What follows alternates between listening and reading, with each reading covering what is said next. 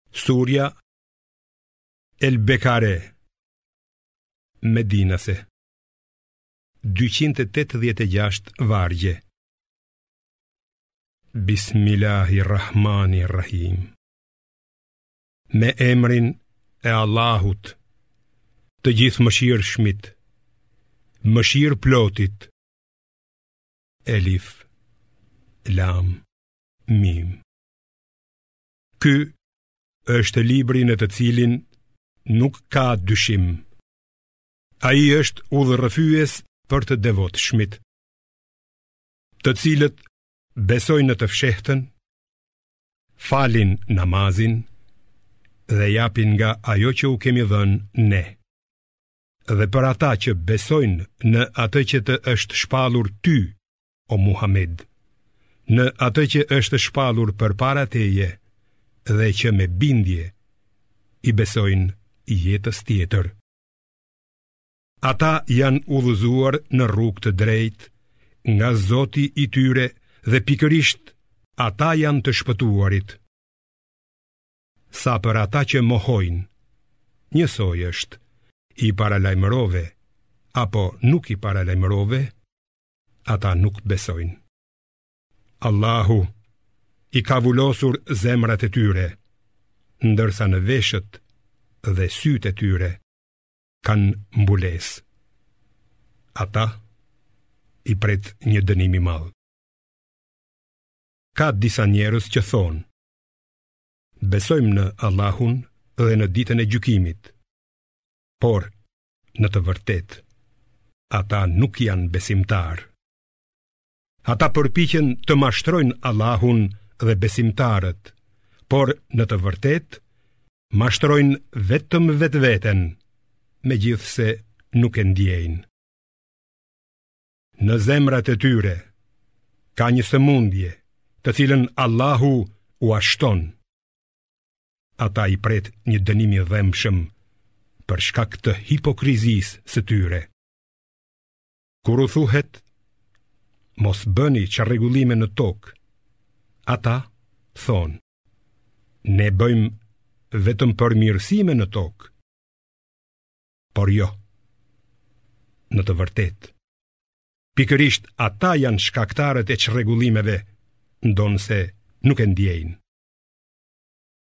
Kur atyre u thuhet, besoni edhe ju ashtu siç kanë besuar njerëzit e tjerë, ata thonë, vallë, a të besojmë edhe ne ashtu siç besojnë mendjelehtët? Por jo, në të vërtetë pikërisht ata janë mendjelehtët, por nuk e dinë këtë. Kur takohen me besimtarët, ata thonë, besojmë. Por kur mbesin vetëm me djajt e tyre, thonë, në të vërtetë, ne jemi me ju, ne vetëm po talleshim. Allahu do të tallet me ata dhe do t'i lërë një kohë të gjatë që të bredhin verbërisht në mendjemadhësinë e tyre. Pikërisht, këta janë ata që kanë këmbyer udhëzimin me humbjen. Kështu që tregtia atyre nuk u solli kurrfarë dobie dhe as nuk ishin të udhëzuar në rrugën e drejtë. Rasti i tyre shëmbëllen me rastin e atyre që ndezin një zjarr dhe kur ai ua ndriçon ç'kanë rreth vetes, Allahu ua merr dritën, i lë në errësirë dhe ata nuk shohin asgjë. Ata janë të shurdhër, memecë e të verbër, prandaj nuk kthehen në rrugë të drejtë. ose shëmbëllen me ata që gjatë shtrëngatës nga qielli, shoqëruar me errësirë, bubullimë dhe shkreptimë, i mbyllin veshët me gishtat e tyre për të mos dëgjuar ushtimën nga frika e vdekjes. Kështu, Allahu i ka nën kontroll mohuesit. Shkreptima, pothuaj ua merr shikimin, sa herë që ajo ua ndriçon rrugën, ata ecin, dhe kur i kaplon errësira, ndalen. Sikur të donte Allahu, do t'ua merrte dëgjimin dhe shikimin. Pa dyshim, Allahu është i fuqishëm për çdo gjë. O njerëz, Adhuroni Zotin tuaj, i cili ju ka krijuar ju dhe ata që ishin para jush, që të mund të ruheni nga të këqijat, i cili e ka bërë për ju tokën shtresë dhe qiellin ndërtesë, i cili prej së larti zbret ujë dhe nëpërmjet tij bën që të rriten fruta si ushqim për ju. Prandaj, mos sajoni me vetëdije, zota të barabartë me Allahun. Nëse ju dyshoni në atë që ia kemi zbritur robit tonë, Muhamedit a.s. Atëherë, hartoni një sure të ngjashme me atë që ia kemi shpallur atij. Thirrni në ndihmë edhe dëshmitarët tuaj që i adhuroni në vend të Allahut, nëse jeni të sinqertë. Nëse nuk mundeni dhe kurrsesi nuk do të mundeni, atëherë ruajuni zjarrit, lëndë djegëse e të cilit janë njerëzit dhe gurët, dhe që është përgatitur për të ndëshkuar mohuesit. Ata që besojnë dhe bëjnë vepra të mira, gëzoji me kopshte të xhenetit, nëpër të cilat rrjedhin lumenj. Sa herë që atyre t'u jepet si ushqim ndonjë frut i kopshteve, ata do të thonë: Këtë e kemi ngrënë edhe përpara. Por atyre do t'u jepen vetëm fruta të ngjashme me ata të tokës. Në xhenet ata do të kenë bashkëshorte të pastra dhe atje do të jetojnë përgjithmonë. Allahu nuk ngurron të japë shembull mushkonjën ose diçka më të madhe se ajo. Ata që besojnë, e dinë se kjo është e vërteta nga Zoti i tyre, kurse ata që nuk besojnë, thonë: Çfarë kërkon të tregojë Allahu me këtë shembull? Nëpërmjet tij, ai shumëkënd e lë në humbje, e shumëkujt ia ndriçon rrugën e drejtë. Ai i lë në humbje vetëm gjynahqarët e mëdhenj, të cilët shkelin besën e Allahut, pasi e patën dhënë, ndërprejnë atë që ka urdhëruar Allahu për ta mbajtur lidhur dhe bëjnë ngatërresa në tokë, ata janë njëmend të shkatërruar. Si mund ta mohoni Allahun ndërkohë që keni qenë të pajetë e ai ju dha jetën? Pastaj ai do t'ju bëjë të vdisni. Më pas do t'ju ringjallë e në fund do të ktheheni tek ai. Është ai që për ju ka krijuar çdo gjë që ka në tokë. Pastaj iu është drejtuar qiellit dhe e ka rregulluar duke e bërë atë shtatë qiej. Ai është i dijshëm për çdo gjë. Kur Zoti yt u tha engjëjve, Unë do të krijoj një mëkëmbës që do të zbatojë ligjet e Zotit në tokë, ata thanë, a do të vesh atje dikë që do të bëjë çrregullime e do të derdhë gjak në të, ndërkohë që ne të madhërojmë, të lavdërojmë dhe të lartësojmë ashtu siç të takon ty. Ai tha, unë di atë që ju nuk e dini. Allahu ia mësoi Ademit emrat e çdo gjëje. Pastaj ua paraqiti engjëjve dhe u tha: Më tregoni emrat e tyre, nëse ajo që thoni është e vërtetë. Qofsh i lavdëruar, thanë ata. Ne dimë vetëm atë që na ke mësuar ti. Në të vërtetë, Ti je i gjithëdituri, i urti. O Adem, tha ai. Ua trego atyre emrat e gjërave. Kur ai ua tregoi emrat e tyre, Allahu tha: A nuk ju kam thënë se vetëm unë i di fshehtësitë e qiellit e të tokës? dhe vetëm unë e di çfarë tregoni haptazi dhe çfarë fshihni. Kur u thamë engjëjve, përuluni në sexhde para Ademit, ata u përulën, përveç Iblisit, i cili nuk deshi, u tregua mendjemadh dhe u bë mosbesimtar.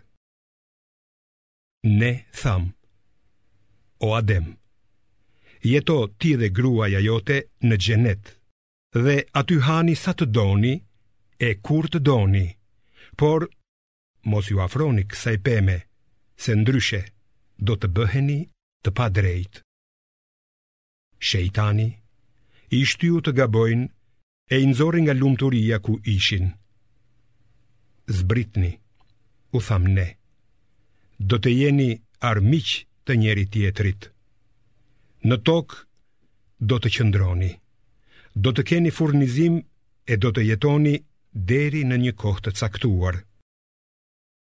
Ademi mësoi disa fjalë se si të kërkonte falje nga Zoti i tij, kështu që ai ia pranoi pendimin. Sigurisht, ai i pranon shumë pendimet. Ai është mëshirëploti. Ne u thamë: zbritni të gjithë prej xhenetit, kur t'ju vijë udhërrëfimi im, ata që do t'i përmbahen atij, nuk do të kenë frikë dhe nuk do të dëshpërohen. Kurse, ata që i mohojnë dhe i përgënjeshtrojnë shpalljet tona, do të jenë banorë të zjarrit. ku do të mbesin gjithmonë. O bijtë e Izraelit, kujtoni të mirat që jua kam falur, përmbushni premtimin që më keni dhënë, që edhe unë të përmbush premtimin që ju kam bërë, për t'ju futur në xhenet. Vetëm prej meje duhet të frikësoheni. Besoni në atë Kuran që kam zbritur si vërtetues të shkrimeve tuaja, e mos u bëni mohuesit e parë të tij. Mos i këmbeni shpalljet e mia me një vlerë të vogël dhe ruhuni vetëm prej meje. Mos e përzieni të vërtetën me të pavërtetën dhe të vërtetën mos e fshihni me vetëdije. Faleni namazin, jepeni zeqatin dhe përkuluni në ruku, bashkë me ata që përkulen në namaz. Vallë, a i urdhëroni njerëzit që të bëjnë të mira e veten po e harroni, ju që lexoni shkrimet? A nuk arsyetoni? Kërkoni ndihmën e Allahut me durim e me namaz. Kjo është njëmend e vështirë, përveçse për të devotshmit që janë të bindur se do të takojnë Zotin e tyre dhe se do të kthehen tek ai. O bijtë e Izraelit, Kujtoni të mirat që ju kam dhënë dhe që ju kam ngritur mbi njerëzit e tjerë të asaj kohe. Frikësojuni ditës kur askush nuk do të mund të bëjë asgjë për askënd dhe kur prej askujt nuk do të pranohet as ndërmjetësim, as shpërblesë e as që do të ndihmoheni. Kujtoni se si ju shpëtuam nga populli i faraonit, i cili ju shtypte mizorisht, jua therte djemt e jua linte të gjalla femrat. Kjo ka qenë një sprovë madhe për ju nga zoti juaj. Kujtoni se si e çamë detin e ju shpëtuam, ndërsa në praninë tuaj i fundosëm njerëzit e faraonit. Kujtoni kur i caktuam Musait 40 net për takimin me të, e pastaj ju adhuruat viçin duke vepruar si keqbërës. Pastaj ne ju falëm që të bëheni mirënjohës. Kujtoni kur Musait i dhamë librin dhe dalluesin që të udhëzoheni në rrugën e drejtë. Dhe kur ai i tha popullit të vet: O populli im, ju vetëm vetes i bëtë keq. kur e adhuruat viçin si Zot. Prandaj, kthehuni të penduar te krijuesi juaj dhe vritni njëri-tjetrin. Kjo është më mirë për ju në sy të krijuesit tuaj. Ai jua fali gabimin, sepse ai i pranon shumë pendimet dhe është mëshirëploti. Kujtoni, kur i thatë Musait. O Musa, ne nuk do të të besojmë ty derisa të shohim Allahun haptazi. Atëherë një rrufe ju goditi ndërsa ishit duke parë. Pas vdekjes suaj, ne ju ringjallëm që të bëheni falënderues. Pastaj bëmë që retë t'ju bënin hije dhe ju zbritëm manën dhe thëllëza, duke thënë, hani nga ushqimet e mira që ju kemi dhënë. Ata nuk ishin mirënjohës dhe kështu nuk na bënë keq neve, por i bënë keq vetes. Kujtoni kur thamë, hyni në këtë qytet dhe hani ç'të doni dhe sa të dëshironi. Por duke hyrë në qytet, përuluni në sexhde dhe thoni: Falna, që ne t'jua falim gabimet. Atyre që bëjnë vepra të mira, ne ua shtojmë shpërblimin. Por keqbërësit e ndryshuan fjalën që iu tha me një fjalë tjetër. Prandaj ne u sollëm atyre që bënë këtë padrejtësi, një dënim nga qielli për mosbindjen e tyre. Kur Musai kërkoi ujë për popullin e tij, ne i thamë, bjeri gurit me shkopin tënd. Atëherë nga ai shpërthyen dymbëdhjetë burime dhe çdo fis e dinte burimin e vet. Ne thamë: Hani e pini prej begative të Allahut dhe mos bëni të këqija e mbrapshti në tokë. Kujtoni kur i thatë, o Musa, ne nuk mund të kënaqemi vetëm me një lloj ushqimi, Prandaj, lutju për ne Zotit tënd të na dhurojë nga ato që jep toka, perime, tranguj, thjerrëza, qepë dhe hudhra. Ai iu tha: Vërtet, doni të ndërroni atë që është më e mirë me atë që është më e dobët? Shkoni në qytet. Atje do të gjeni atë që kërkoni. Ata i kaploi poshtërimi dhe përulja dhe merituan zemërimin e Allahut. Kjo ndodhi sepse ata i mohonin shpalljet e Allahut dhe i vrisnin të dërguarit pa asnjë të drejtë. Kjo ndodhi sepse ata kundërshtonin dhe kalonin çdo kufi. Ata që besojnë në Kuran, hebrenjtë, të krishterët dhe sabinët, Kushdo prej tyre që beson Allahun dhe jetën tjetër sipas Kuranit dhe bën vepra të mira sipas islamit, do të shpërblehen nga Zoti i tyre. Ata nuk do të kenë pse të frikësohen apo të pikëllohen. Kujtoni, o hebrenj, kur morëm besën tuaj dhe ngritëm mbi ju malin Tur duke thënë, merreni seriozisht atë që ju dhamë dhe mbani në mendje rregullat e saj në mënyrë që të ruheni nga gjynahet. Por më pas ju i kthyet shpinën besëlidhjes dhe sikur të mos ishte mirësia e Allahut ndaj jush dhe mëshira e tij, do të ishit të humbur. Sigurisht që ju keni dëgjuar për ata prej jush që shkelën sabatin, dhe të cilëve ne u thamë, bëhuni majmunë të përçmuar e të urryer. Këtë dënim e bëmë paralajmërim për bashkohësit dhe për brezat e tyre pasardhës, si edhe këshillë për ata që i frikësohen Allahut. Kujto kur Musai i tha kombit të vet, Allahu ju urdhëron të therni një lopë. Ata thanë, a do të tallesh me ne?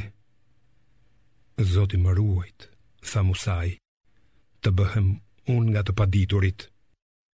Ata thanë, lutju Zotit tënd që të na shpjegojë si duhet të jetë ajo.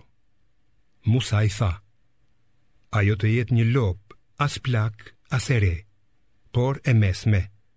Pra, bëni atë që ju është urdhëruar. Ata thanë, Lutju Zotit tënd që të na shpjegojë çfarë ngjyre të ketë ajo. Musai tha: Ai thotë se ajo duhet të jetë lopë me ngjyrë të verdhë të ndezur, të cilën e pëlqejnë shikuesit. Ata thanë: Lutju Zotit tënd që të na shpjegojë çfarë lloji të jetë, sepse lopët të gjitha na duken njësoj, e ne në dashtë Zoti do të udhëzohemi në rrugën e drejtë. Musai tha, ai thotë se lopa s'duhet të jetë e lodhur nga lërimi apo nga ujitja e tokës, por të jetë e shëndoshë dhe pa asnjë të metë. Ata thanë, tani na the të vërtetën. Kështu, ata e therën lopën, por desh e lanë pa flijuar. Dhe, pasi vratë një njeri e u grindët me njëri-tjetrin në lidhje me të, Allahu e nxori në shesh atë që fshihnit ju. Ne ju thamë, prekeni të vrarin me një copë të lopës së flijuar, Dhe kështu, Allahu do t'i ngjallë të vdekurit dhe do t'ju tregojë mrekullitë e veta, që ju të kuptoni. Por pas kësaj, zemrat tuaja u forcuan e u bënë si guri, madje, edhe më të forta. Në të vërtetë, ka gurë nga të cilët burojnë lumenj, ka të atillë që çahen e nga të cilët rrjedh ujë, madje ka edhe syresh, që rrëzohen nga frika e Allahut. Allahu nuk është i pavëmendshëm ndaj veprimeve tuaja. Vërtet shpresoni ju besimtarë se ata hebrenjtë do t'ju besonin ju, ndërkohë që disa prej tyre i dëgjonin fjalët e Allahut dhe pasi i kuptonin me vetëdije i shtrembëronin ato. Kur takohen me besimtarët, ata thonë, ne besojmë, e kur ngelin vetëm me njëri-tjetrin, ata thonë, a u tregoni atyre atë që ua ka shpallur Allahu në Teurat për ta përdorur si argument kundër jush te Zoti juaj? A nuk po mendoni? A nuk e dinë ata se Allahu di çfarë fshehin dhe çfarë shpallin? Disa prej atyre janë analfabetë. Nuk e njohin librin, përveç disa trillimeve dhe flasin vetëm me hamendje. Mjerë ata që me duart e tyre shkruajnë librin, e pastaj thonë, kjo është prej Allahut, që për këtë të kenë ndonjë dobi të vogël materiale. Mjerë ata për çfarë kanë shkruar me duart e tyre, dhe mjerë ata për çfarë kanë fituar. Ata thonë, zjarri do të na prekë vetëm ca ditë të numëruara. Thuaju, o Muhamed, a keni marrë për këtë ndonjë zotim prej Allahut, kështu që ai nuk do ta shkelë kurrë zotimin e vet dhe do t'ju dënojë pak, apo po shpifni kundër Allahut gjëra që nuk i dini? Nuk është kështu si thoni ju. Ata që bëjnë vepra të këqija dhe mbulohen nga fajet e veta, do të jenë banorë të zjarrit të xhehenemit, ku do të qëndrojnë përgjithmonë. Kurse ata që besojnë e bëjnë vepra të mira, do të jenë banorë të xhenetit, ku do të qëndrojnë përgjithmonë.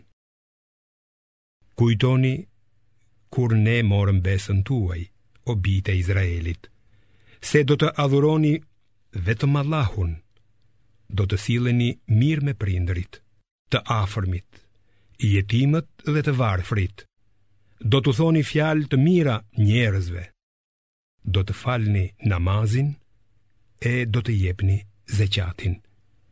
Mirëpo më pas, ju ia kthyet shpinën besëlidhjes përveç një pakice prej jush duke iu shmangur edhe tani.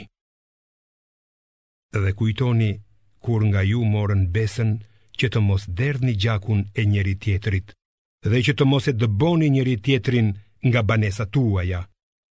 Ju e pranuat këtë dhe dolët dëshmitarë. Mirëpo, ja tek jeni, duke vrarë farefisin tuaj, duke i dëbuar disa syresh nga shtëpitë e veta dhe duke ndihmuar njëri-tjetrin, kundër tyre, fajësisht dhe armiqësisht. Dhe, kur ju vijnë të robëruar, ju i shpëtoni nga robëria me të holla, ndërkohë që me marrëveshje e keni të ndaluar t'i dëboni. mos vallë, një pjesë të librit Teuratit e besoni, kurse pjesën tjetër e mohoni? Cilido prej jush që vepron kështu, do të ndëshkohet me poshtërim në këtë jetë, ndërsa në ditën e kiametit do të dërgohet në dënimin më të ashpër. Allahu nuk është i pavëmendshëm ndaj veprimeve tuaja. Këta janë ata që jetën e kësaj bote e kanë blerë me jetën e ardhshme. Atyre nuk do t'u lehtësohet dënimi dhe askush nuk do t'u vijë në ndihmë.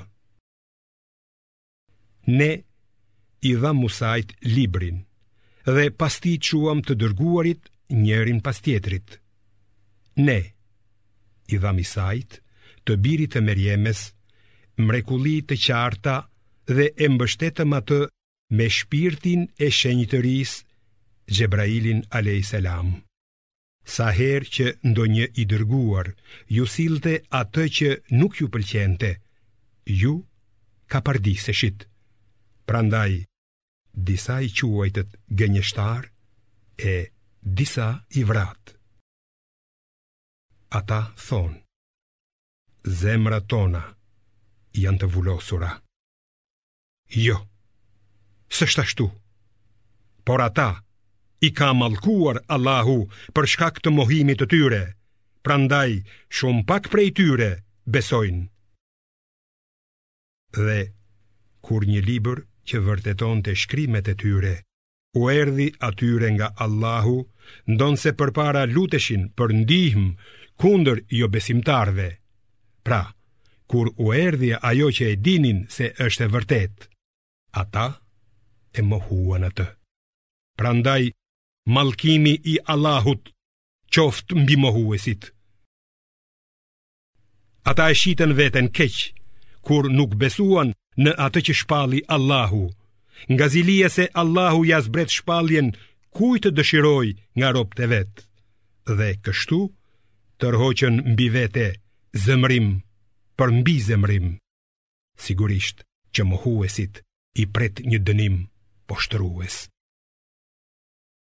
kur atyre u thuhet, Besoni në atë që ka shpallur Allahu, ata përgjigjen, Ne besojmë në atë që na është shpallur neve, duke mos besuar në atë që është zbritur më pas, ndonëse ajo është e vërteta që pohon shkrimet e tyre. Thuaju atyre, nëse ishit besimtarë, përse i vratë profetët e Allahut, atëherë kur ju erdhën. Musai ju solli shenja të qarta, por gjatë mungesës së tij, ju adhuruat viçin si zot, prandaj u bëtë fajtorë të mëdhenj. Kur morëm besën tuaj dhe ngritëm mbi ju malin e Turit, thamë, Merreni seriozisht atë që ju kemi dhënë dhe dëgjoni. Ju thatë, Ne dëgjuam, por kundërshtojmë. Për shkak të mohimit, atyre u ishte rrënjosur në zemra dashuria dhe adhurimi për viçin. Thuaju, nëse jeni vërtet besimtarë, sa gjë të keqe po ju urdhëruaka besimi juaj. Thuaju, nëse shtëpia e jetës së përtejme, xheneti tek Allahu është vetëm për ju, e jo për njerëzit e tjerë.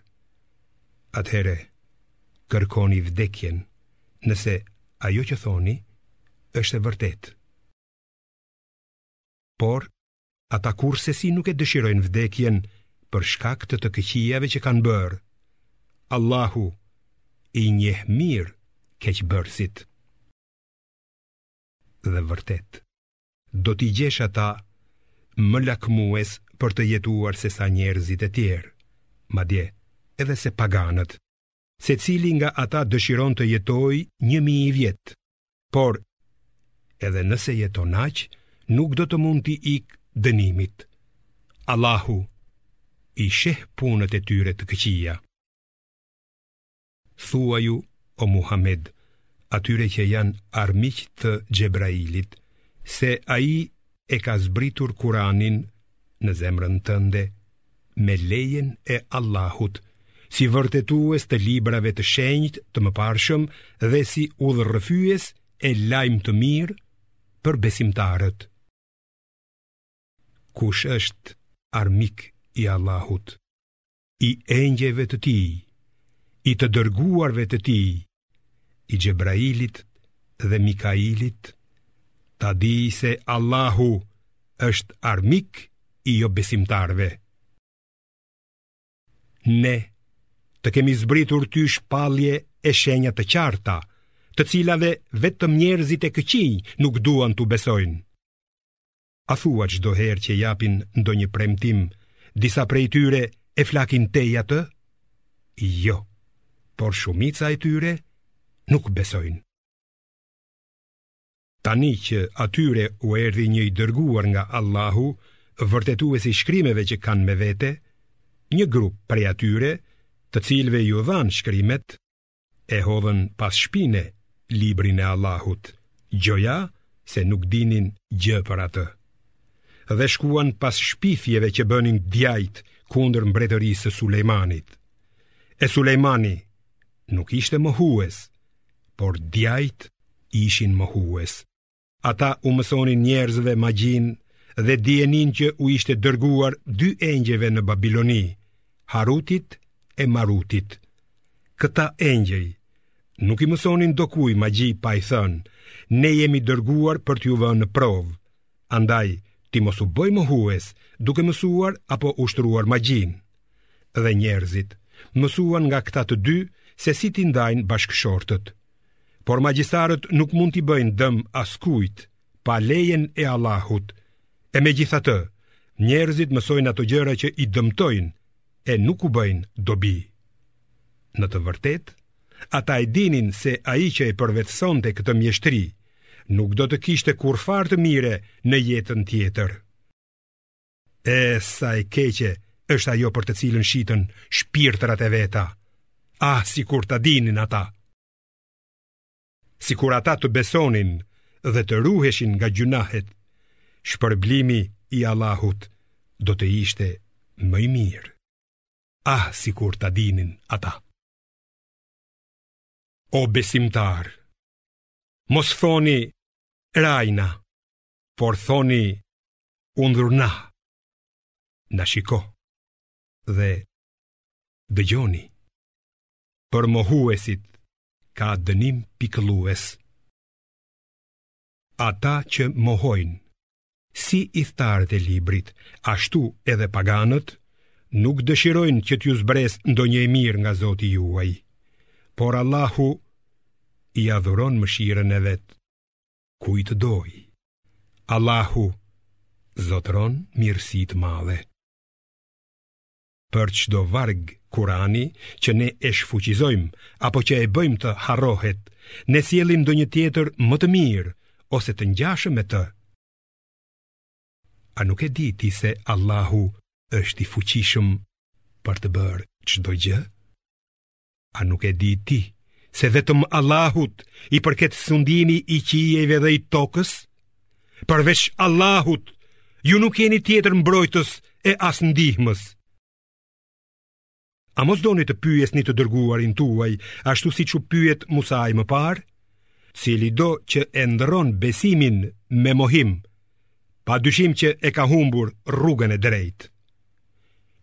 Shumë nga ithtarët e librit prej zilisë që kanë në vete, dëshirojnë që t'ju kthejnë nga besimi në mosbesim, tani që e vërteta është e qartë për ata.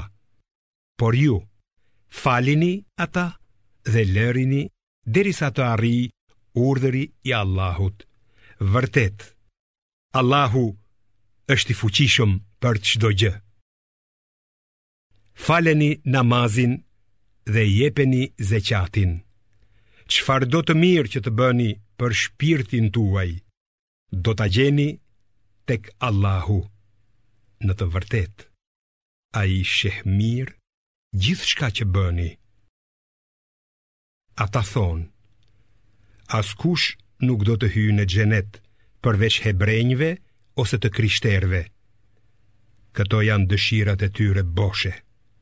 Thuaju, o Muhammed, nëse është e vërtetë ajo që thoni, atëherë sillni provën tuaj.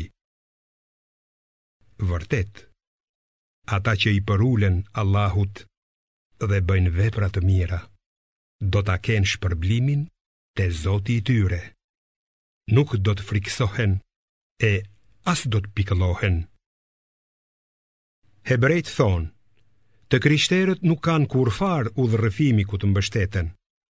Edhe të krishterët thonë, hebrejtë nuk kanë kurrfarë udhërrëfimi ku të mbështeten.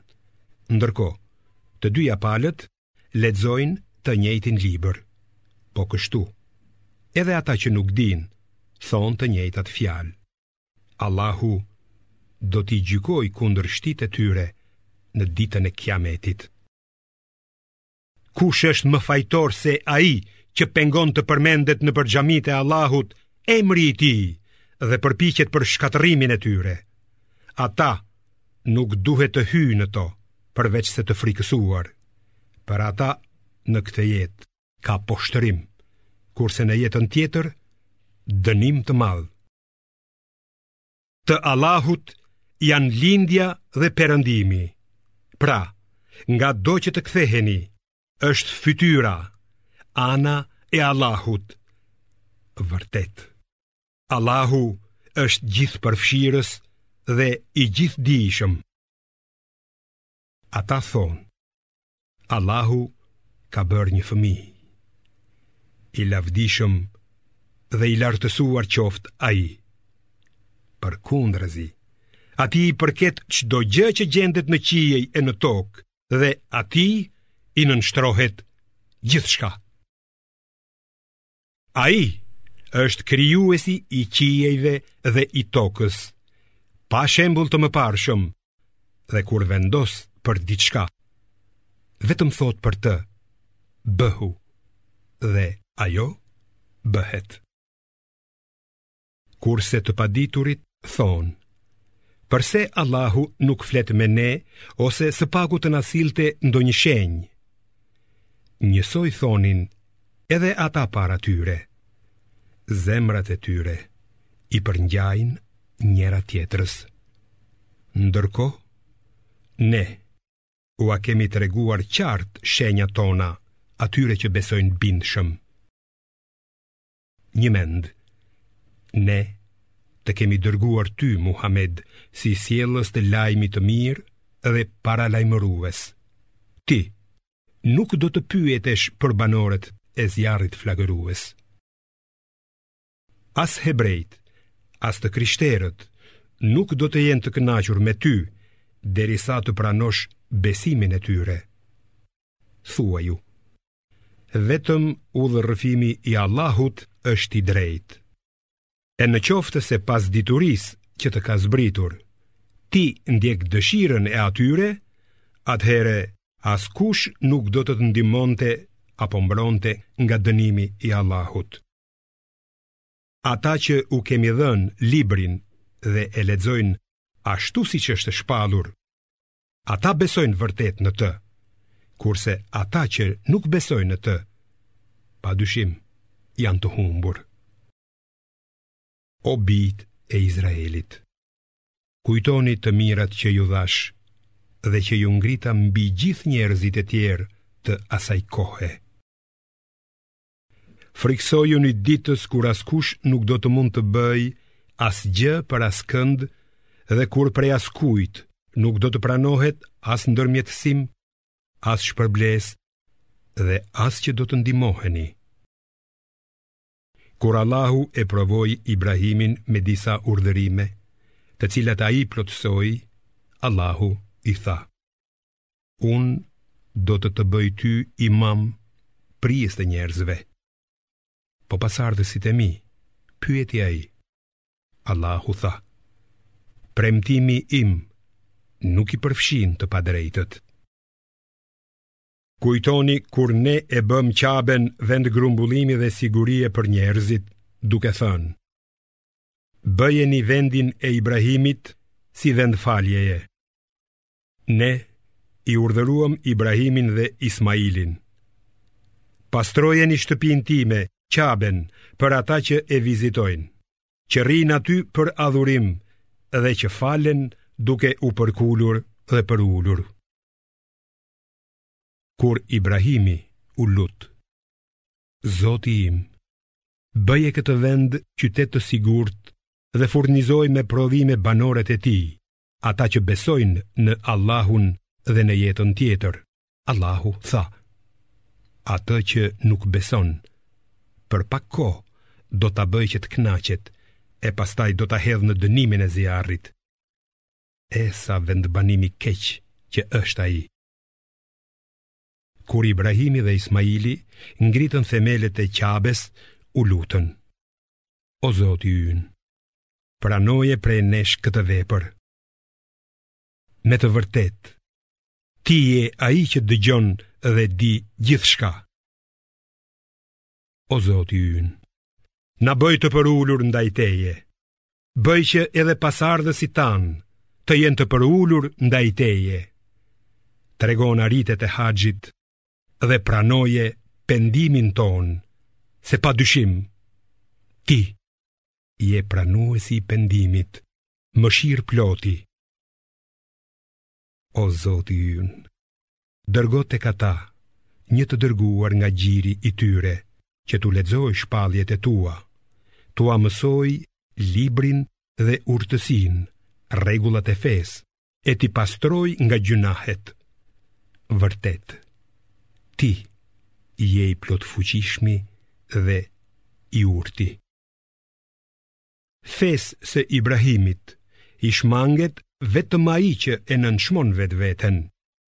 Ne e zgjodhëm atë në këtë botë, kurse në botën tjetër ai do të jetë ndër të mirët. Kur Zoti i tij i tha, Përulu, ai u përgjigj, Iu përula Zotit të gjithësisë. Ibrahimi ua dha këtë porosi fëmijëve të tij, po ashtu edhe Jakubi. O bijtë e mi, pa dyshim, Allahu ka zgjedhur për ju fenë e vërtetë. Prandaj, mos vdisni ndryshe, veçse duke qenë myslimanë të nënshtruar ndaj atij. A ishit ju të pranishëm kur Jakubit iu afrua vdekja dhe i pyeti të bijtë, Çfarë do të adhuroni pas meje? Ata u përgjigjën, Ne do të adhurojmë Zotin tënd. që është edhe Zoti i etërve të tu, Ibrahimit, Ismailit dhe Isakut, një Zot të vetëm, ne atij i nënshtrohemi. Ata njerëz tashmë kanë kaluar, ata do të kenë çfarë kanë merituar, dhe ju do të keni atë që meritoni, e nuk do të pyeteni për veprat e tyre. Ata thonë, bëhuni hebrenj ose të krishterë që të jeni në rrugë të drejtë. Thuaju, në asnjë mënyrë, ne jemi të fesë së pastër të Ibrahimit, i cili nuk ka qenë idhujtar. thoni, Ne besojmë në Allahun, në atë që na është shpallur neve, kuranin, në atë që i është shpallur Ibrahimit, Ismailit, Ishakut, Jakubit dhe Esbatëve, 12 bijve të Jakubit, në atë që i është dhënë Musait e Isait, dhe në atë që u është dhënë profetëve nga Zoti i tyre. Ne nuk bëjmë kurrfarë dallimi midis tyre dhe vetëm Allahut i përulemi. Nëse ata besojnë në atë që besoni edhe ju, atëherë janë në rrugën e drejtë. E nëse ia kthejnë shpinën asaj, atëherë sigurisht që do të përçahen. Por Allahu të mjafton ty Muhammed si mbrojtës kundër atyre. Ai i dëgjon dhe i di të gjitha. Thoni, kjo fe është ngjyra që na ka dhënë Allahu.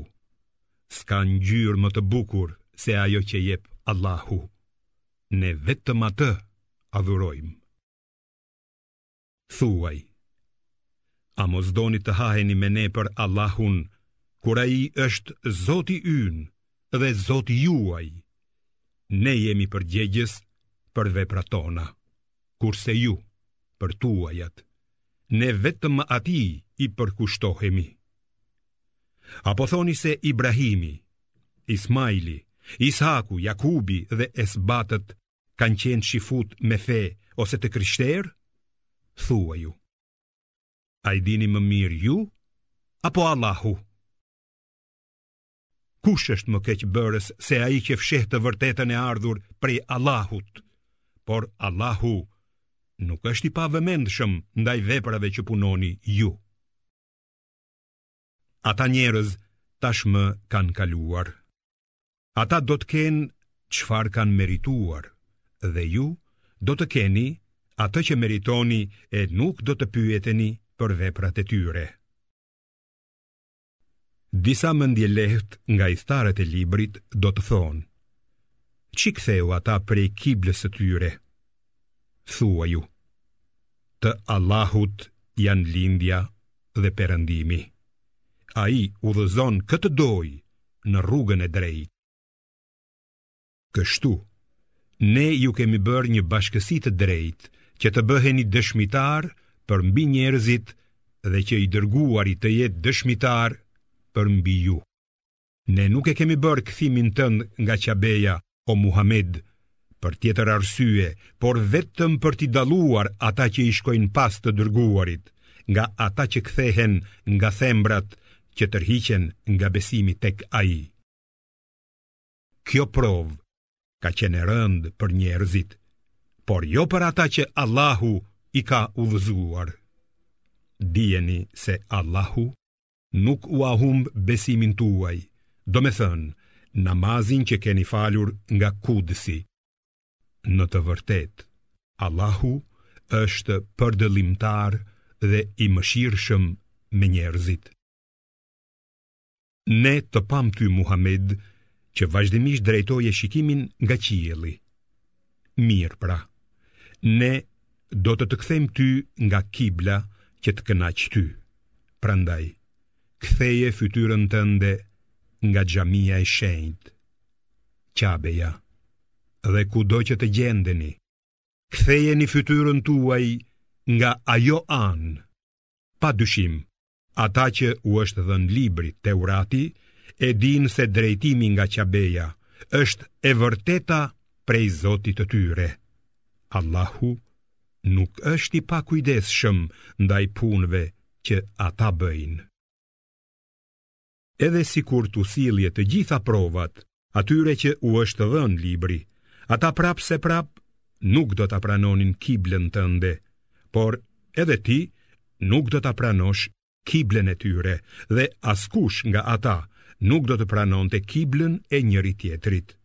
E nëse ti, pasi të është zbritur dituria, do të ndiqje dëshirat e tyre, atëherë pa dyshim që do të ishe një nga keqbërësit.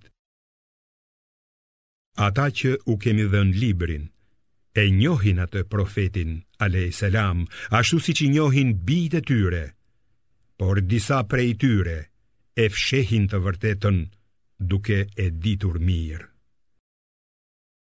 E vërteta është prej Zotit tënd, pra kurrsesi mos u bëj nga ata që dyshojnë. Çdokush ka një drejtim nga i cili kthehet. Pra, bëni garë me njëri-tjetrin për punë të mira. Kudo që të gjendeni, Allahu do t'ju mbledhë të gjithëve. Ai është i fuqishëm për çdo gjë.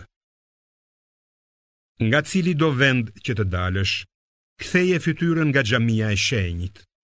Kjo është e vërteta që vjen nga Zoti yt. Allahu nuk është i pakujdesshëm ndaj veprave që ju bëni. Nga cilido vend që të dalësh, ktheje fytyrën nga xhamia e shenjtë.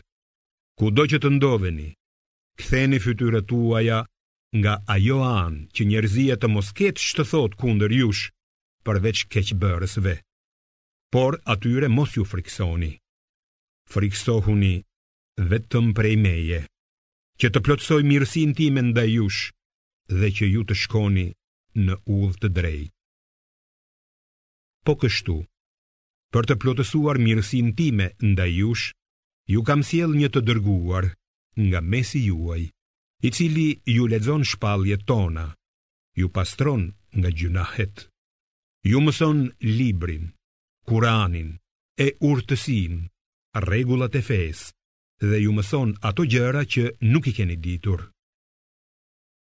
Prandaj, Më kujtoni mua me namaz e lutje që unë t'ju kujtoj me shpërblime dhe falënderomëni mua duke m'u bindur e mos i mohoni dhuntitë e mia me mosbindje. O besimtarë, kërkoni ndihmë për veten nëpërmjet durimit dhe namazit. Në të vërtetë, Allahu është me të duruarit. Dhe mos thoni për ata që vriten në rrugën e Allahut se janë të vdekur. Jo. Ata janë të gjallë, ndonëse ju nuk e ndieni. Sigurisht që ne do t'ju provojmë me frikë dhe uri, me dëmtim të pasurisë, të njerëzve dhe të të lashtave, Prandaj, përgëzoji të duruarit, të cilët kur i godet ndonjë fatkeqësi, thonë: Të Allahut jemi dhe vetëm tek Ai do të kthehemi. Ata do të shpërblehen me bekim dhe mëshirë nga Zoti i tyre. Ata janë në rrugën e drejtë. Kodrinat Safa dhe Merva në Mekë janë pjesë e simboleve të Allahut. Prandaj, ai që viziton Qaben për haxh ose për umre, s'ka kurrfarë gjynahu nëse sillet mes tyre. Kush bën vepra të mira vullnetare, ta dijë se Allahu është njëmend falënderues dhe i gjithëdijshëm. me të vërtetë. Ata që fshehin shpalljet tona të qarta, pasi ua kemi shpjeguar njerëzve në libër, Teurat, do të mallkohen nga Allahu dhe do të mallkohen nga ata engjëj e njerëz që janë ngarkuar të mallkojnë. Mirëpo atyre që pendohen, përmirësohen dhe tregojnë atë që kishin fshehur, Unë ua pranoj pendimin, sepse unë jam pranuesi i pendimeve dhe mëshirëploti. Ata që nuk besojnë dhe vdesin duke qenë jobesimtarë, do të mallkohen nga Allahu, engjëjt dhe të gjithë njerëzit. Ata do të jenë gjithmonë të mallkuar, nuk do t'u lehtësohet dënimi dhe nuk do t'u jepet afat. Zoti juaj është një Zot i vetëm. S'ka Zot tjetër të denjë për adhurim përveç atij, të Gjithëmëshirshmit, Mëshirëplotit. Me të vërtetë, në krijimin e qiejve dhe të tokës, në këmbimin e natës me ditën, në anijet që lundrojnë nëpër det për t'u sjellë dobi njerëzve, në ujin që Allahu zbret prej qiellit, duke ngjallur përmes tij tokën e vdekur dhe duke shpërndarë gjithfarë gjallesash, në lëvizjen e erërave dhe në retë që qëndrojnë midis qiellit e tokës, pra, në të gjitha këto, sigurisht që ka shenja për njerëzit me intelekt. E megjithatë, disa njerëz zgjedhin për të adhuruar në vend të Allahut zota të tjerë, duke i konsideruar si të barabartë me atë dhe duke i dashur siç duhet Allahu. Por ata që besojnë e duan shumë më tepër Allahun sesa ç'i duan idhujtarët, idhujt e tyre. Sikur keqbërësit të shihnin që tani çastin kur do të përballen me ndëshkimin, do ta kuptonin se e tërë fuqia i përket Allahut dhe se dënimi i tij është fort i ashpër. Ah, sikur ta shihnin çastin kur të adhuruarit, do t'i braktisnin adhuruesit e tyre, kur të gjithë do të shohin dënimin e midis tyre do të këputet çdo lidhje. Atëherë, adhuruesit do të thonë, ah sikur të ktheheshim edhe njëherë në jetën e tokës, e t'i braktisnim ata, ashtu siç na braktisën ne. Kështu, Allahu do t'ua tregojë veprat e tyre si burim hidhërimi për ta, dhe ata s'kanë për të dalë kurrë nga zjarri. O njerëz, ushqehuni me të gjitha ato gjëra të lejuara e të mira që gjenden në tokë dhe mos ndiqni gjurmët e djallit, sepse ai është njëmend armiku juaj i hapur. Ai ju nxit vetëm në të këqia, në vepra të turpshme dhe të flisni për Allahun gjëra që nuk i dini. Kur atyre u thuhet, ndiqni atë që ka shpallur Allahu, ata përgjigjen, jo, ne do të ndjekim atë udhë në të cilën i kemi gjetur të parët tanë. Vallë, Edhe atëherë kur të parët e tyre nuk kuptonin gjë e nuk ishin të udhëzuar? Mohuesit i shëmbëllejnë kafshëve, të cilat kur i thërret dikush, dëgjojnë vetëm thirrje e zë, por s'kuptojnë asgjë. Ata janë të shurdhër, memecë dhe të verbër e nuk kuptojnë asgjë. O besimtarë! Hani nga ushqimet e lejuara që ju kemi dhënë, dhe nëse jeni adhurues të Allahut, falënderojeni Atë. Me të vërtetë, Allahu ju ka ndaluar të hani kafshën e ngordhur, gjakun e derdhur, mishin e derrit dhe mishin që nuk është therur në emër të Allahut. Por kushdo që detyrohet nga nevoja të hajë ndonjë gjë prej këtyre, pa dashur të bëjë gjynah dhe pa e kaluar kufirin, nuk do të fajësohet. Vërtet Allahu është Falës i Madh dhe Mëshirëplot.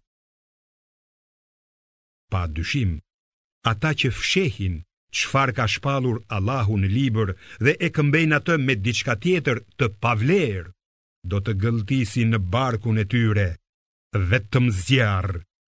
Në ditën e Kiametit, Allahu nuk do t'u flasë atyre.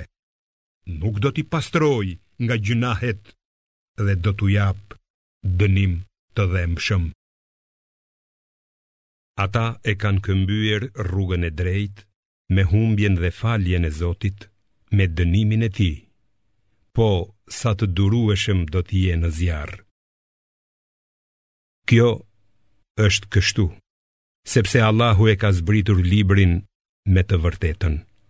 Sigurisht, ata që nuk pajtohen rreth tij janë të përçarë dhe larg së vërtetës.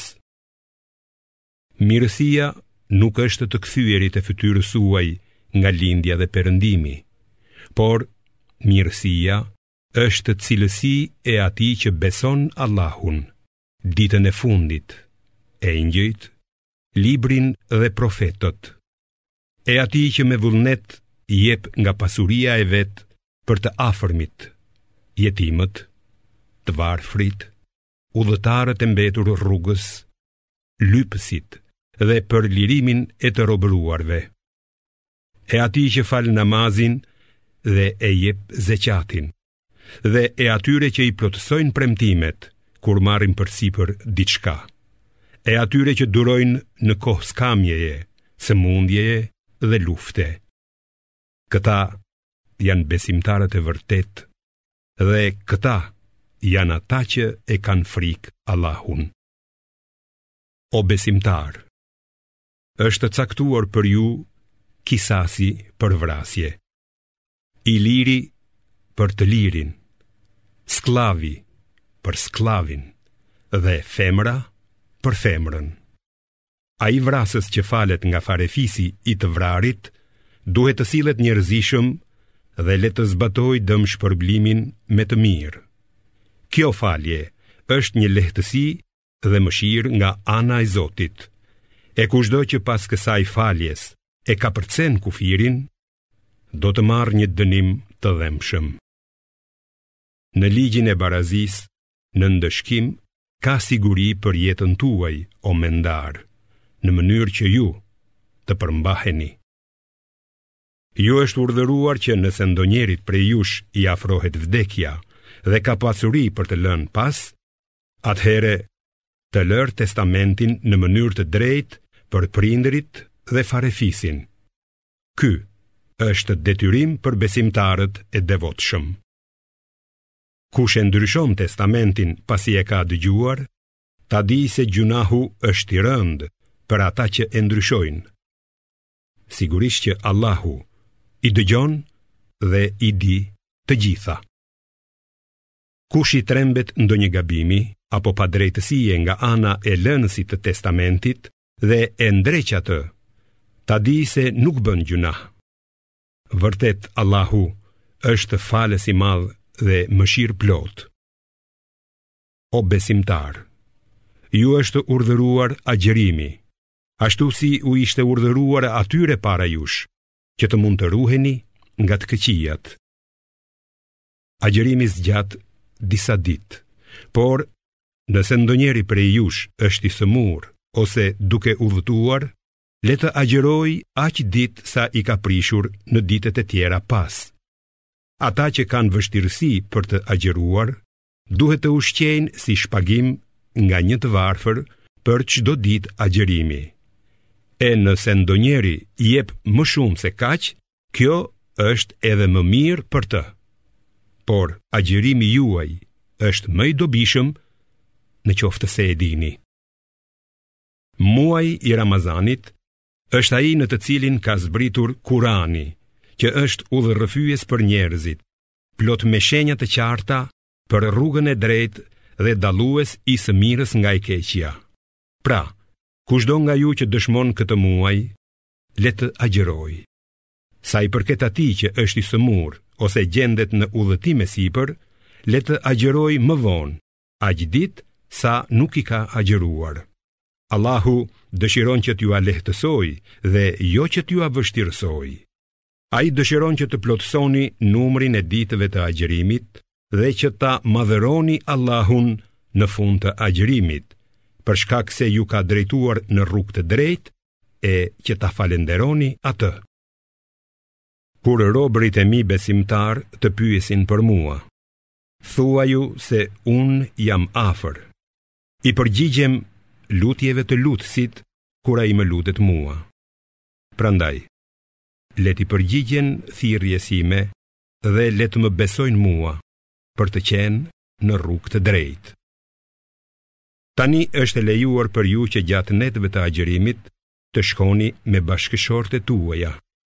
Ato janë petk për ju, e ju jeni petk për ato. Allahu e di mirë se ju e keni mashtruar veten duke shkuar me gratë para se të zbriste lejimi, Por Allahu e ka pranuar pendimin tuaj dhe jua ka falur gabimin. Prandaj, ju lejohet bashkimi me bashkëshortet tuaja dhe tani kërkoni atë që ka caktuar Allahu për ju dhe hani e pini, derisa të dallohet fija e bardhë, bardhësia e agimit, nga fija e zezë, erësira e natës. Pastaj, Plotësojeni agjërimin derisa të bjerë mbrëmja. Mos iu afroni atyre bashkëshorteve gjatë kohës kur mbylleni për adhurim në xhami. Këta janë kufijtë e Allahut, prandaj mos iu afroni atyre.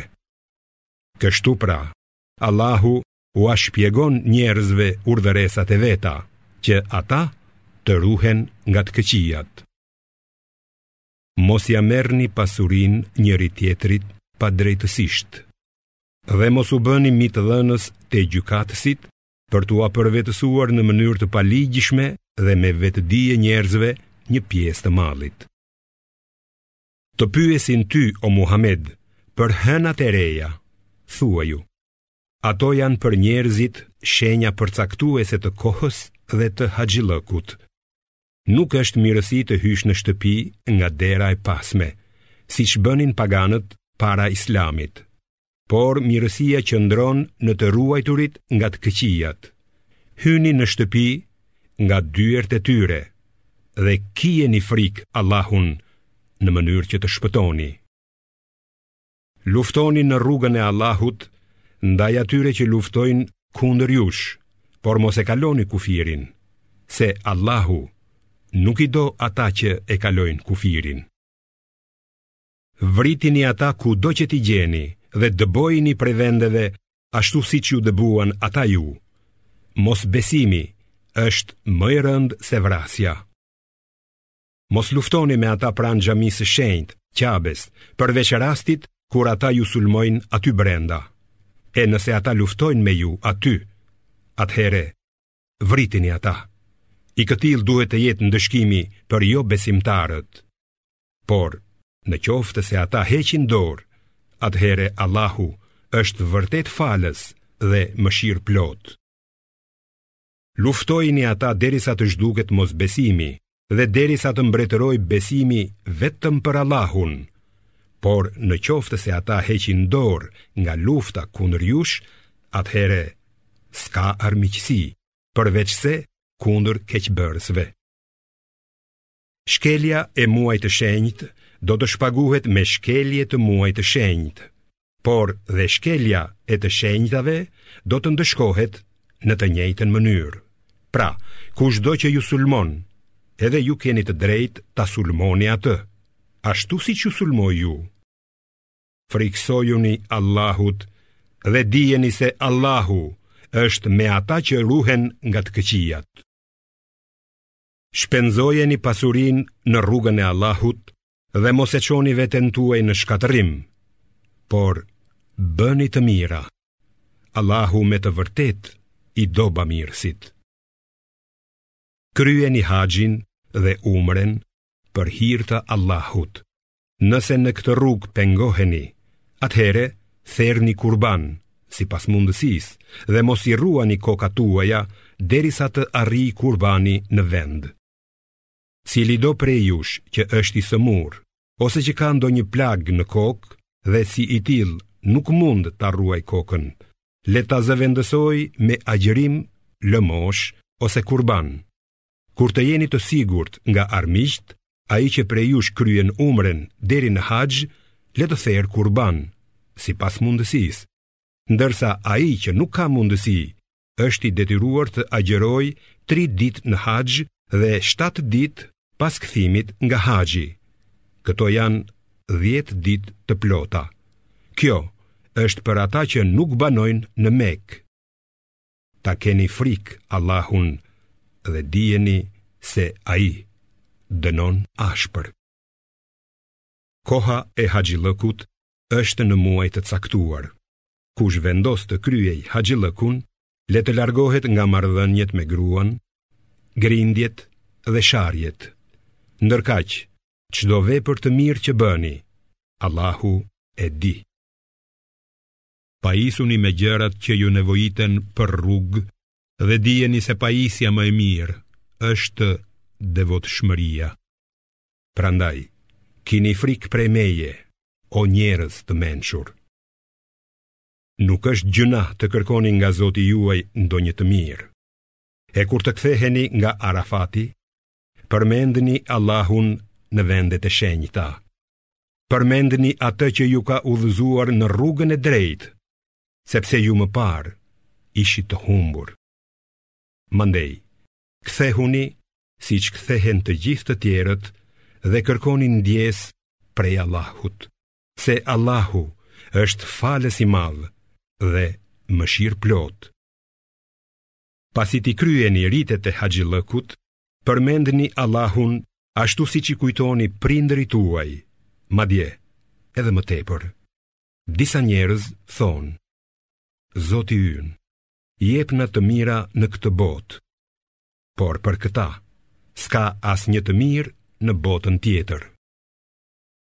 Por, ka dhe të tjerë që thonë, Zoti ynë, na jep të mira në këtë botë, na jep të mira në botën tjetër dhe na ruaj nga dënimi i zjarrit të xhehenemit. Këtyre do t'u jepet shpërblim për atë që kanë bërë.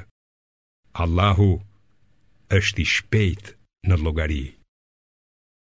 Dhe madhëroni Allahun në tre ditët e caktuara të teshrikut. Por, edhe ata që nguten dhe rrinë vetëm dy ditë në Mina, nuk bëjnë gjynah. Nuk bën gjynah as ai që rri më shumë, nëse i frikësohet vërtet Allahut. Ta keni frikë Allahun e ta dini mirë se vetëm tek ai do të tuboheni. Ka ndonjë njeri hipokrit, fjalët e të cilit në jetën e kësaj bote ta bëjnë qefin dhe që betohet në Allahun për atë që mban në zemër, por që në të vërtetë është kundërshtari yt më i betuar. E kur largohet, përpiqet të bëjë të këqija në tokë, duke shkatërruar të mbjellat dhe bagëtinë, por Allahu nuk e do shkatërrimin. Kur atij i thuhet, kije frikë Allahun, ai mburret dhe bën më shumë të këqija, atij i mjafton xhehenemi. E sa vendbanim i keq është ai vend. Ka njerëz që e flijojnë veten për të fituar pëlqimin e Allahut. Allahu është shumë i mëshirshëm me robtë e vet. O besimtarë, pranojeni Islamin me të gjitha rregullat e tij dhe mos shkoni gjurmëve të djallit, se ai është armiku juaj i përbetuar. E, nëse i shmangeni së drejtës, pasi ju kanë ardhur prova të qarta, atëherë dijeni se Allahu është i plotfuqishëm dhe i urtë. E ç'presin tjetër ata që t'u vijë Allahu përmes hijeve të reve bashkë me engjëjt? Atëherë, merr fund puna. Tek Allahu, kthehen të gjitha punët. pyeti bijtë e Izraelit, Sa shenja të qarta u kemi dërguar ne atyre? Ata që mohojnë të mirat e Allahut, pasi u janë dërguar, do të dënohen. Vërtet, Allahu është i rreptë në ndëshkim. Ata që nuk besojnë, janë të joshur nga jeta e kësaj bote, prandaj tallen me besimtarët. Por njerëzit që i frikësohen Allahut do të jenë mbi ata në ditën e Kiametit. Allahu begaton pa kufi kë të dojë. Dikur, të gjithë njerëzit përbënin një bashkësi të vetme. Pastaj Allahu u dërgoi profetët me lajme të mira dhe paralajmërime. Bashkë me ata, ai zbriti edhe librin me të vërtetën për t'i gjykuar njerëzit në çështjet për të cilat nuk pajtoheshin. Mirëpo njerëzit u grindën midis tyre, pasi u erdhën shenjat e qarta nga zilia që kishin për njëri-tjetrin. Atëherë, me vullnetin e vet, Allahu i udhëzoi besimtarët që ta kuptonin të vërtetën lidhur me çështjet për të cilat të tjerët nuk pajtoheshin. Allahu shpie në udhë të drejtë kë të dojë. Vërtet, mendoni të hyni në xhenet pa provuar atë që kanë provuar të tjerët para jush? Ata i goditi mjerimi dhe sëmundjet dhe aq shumë u tronditën saqë çdo i dërguar dhe ndjekësit e tij thirrën. Kur do të arrijë ndihma e Allahut? Ja, ndihma e Allahut është afër. Të pyesin ty, çfarë të japin si lëmoshë? Thuaju, çfarëdo bamirësie që bëni, ajo le t'u takojë prindërve, farefisit, jetimve, të varfërve dhe udhëtarëve, Çfarëdo të mirë që bëni, Allahu e di atë. Lufta është bërë detyrim për ju, ndonëse e urreni. Por mund ta urreni një gjë, ndërkohë që ajo është e mirë për ju, e mund ta doni një gjë, ndërkohë që ajo është e dëmshme për ju. Allahu di, kurse ju nuk dini. të pyesin ty për muajin e shenjtë, për luftën në të, thuaju: Luftimi në atë kohë është gjynah i madh, por pengimi i njerëzve prej udhës së Allahut, mohimi i tij, pengimi i njerëzve nga vizita e xhamisë së shenjtë dhe dëbimi i banorëve të saj nga ajo, janë gjynah më i madh tek Allahu. kurse adhurimi i idhujve është gjynah më i madh se vrasja. Ata vazhdimisht do të luftojnë kundër jush, që të mund t'ju kthejnë nga besimi juaj. Ata që e mohojnë fenë dhe vdesin si mohues, veprat e tyre të mira do të humbasin në këtë botë dhe në tjetrën. Ata do të jenë banorë të zjarrit ku do të qëndrojnë përgjithmonë. Vërtet, ata që besuan dhe ata që mërguan e luftuan në rrugë të Allahut. Pikërisht ata shpresojnë në mëshirën e Allahut. Allahu është falës i madh dhe mëshirëplotë. Të pyesin ty për verën dhe kumarin. Thuaju, Ato sjellin dëme të mëdha, gjynahe, por edhe dobi për njerëzit. Megjithatë, dëmi i tyre është më i madh se dobia. Të pyesin se çfarë duhet të japin si lëmoshë. Thuaju, tepricën. Ja kështu jua shpjegon Allahu shpalljet e tij që të mund të mendoni për këtë jetë dhe për jetën tjetër. Të pyesin ty për jetimët, thuaju: T'u bëni mirë atyre, është vepër e bukur. Nëse jetoni bashkë me ata, dijeni se janë vëllezërit tuaj. Allahu di ta dallojë keqbërësin prej mirëbërësit. Sikur të donte Allahu, do t'ju detyronte me punë të vështira. Vërtet, Allahu është i plotfuqishëm dhe i urtë. Mos u martoni me paganet, gjersa të bëhen besimtare. Skllavja besimtare është më e mirë se pagania, edhe nëse kjo e fundit mund t'ju pëlqejë. Mos i martoni muslimanet me paganë, gjersa ata të bëhen besimtarë. Skllavi besimtar është më i mirë se pagani, edhe nëse ky i fundit mund t'ju pëlqejë. Ata ju thërrasin në zjarr, kurse Allahu me mirësinë e tij ju thërret në xhenet e falje të gjynaheve. Ai ua shpjegon njerëzve shpalljet e veta që të mendojnë ata. Të pyesin ty Muhamed për të përmuajshmet e femrave. Thuaju. Ajo është gjendje e dëmshme. Prandaj, gjatë kësaj kohe, mos iu afroni atyre për marrëdhënie, derisa të pastrohen. Pasi të pastrohen, atëherë afrohuni tek ato ashtu si ju ka urdhëruar Allahu. Pa dyshim, Allahu i do ata që pendohen fort për gjynahet dhe ata që pastrohen.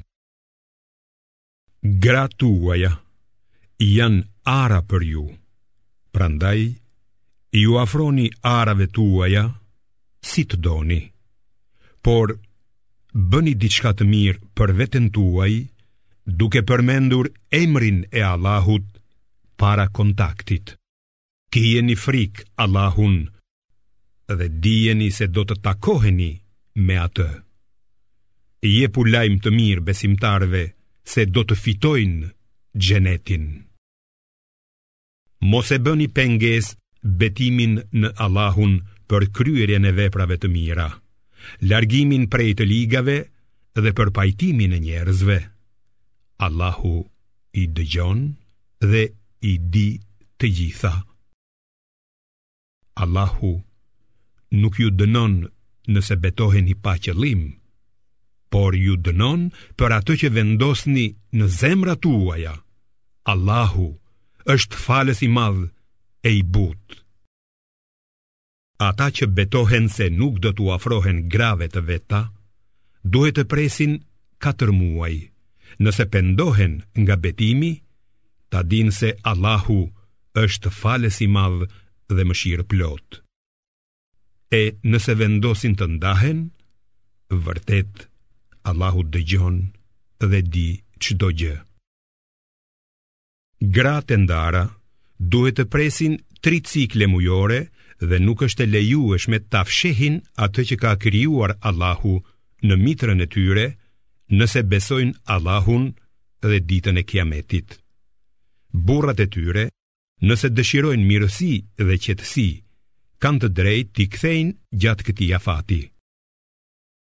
Gratë kanë aq të drejta sa kanë edhe detyra, sipas arsyes së shëndoshë, ndonëse burrat kanë një shkallë më shumë përgjegjësie mbi ato.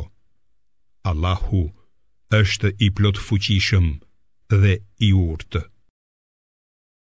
Ndarja mund të bëhet dy herë. Më pas, gruaja ose të mbahet me të mirë, ose të lejohet të ikë me të mirë. Burrave nuk u lejohet të marrin gjë nga ajo që ua kanë dhënë atyre, vetëm nëse të dyja palët frikësohen se nuk do t'i zbatojnë kufijtë e Allahut.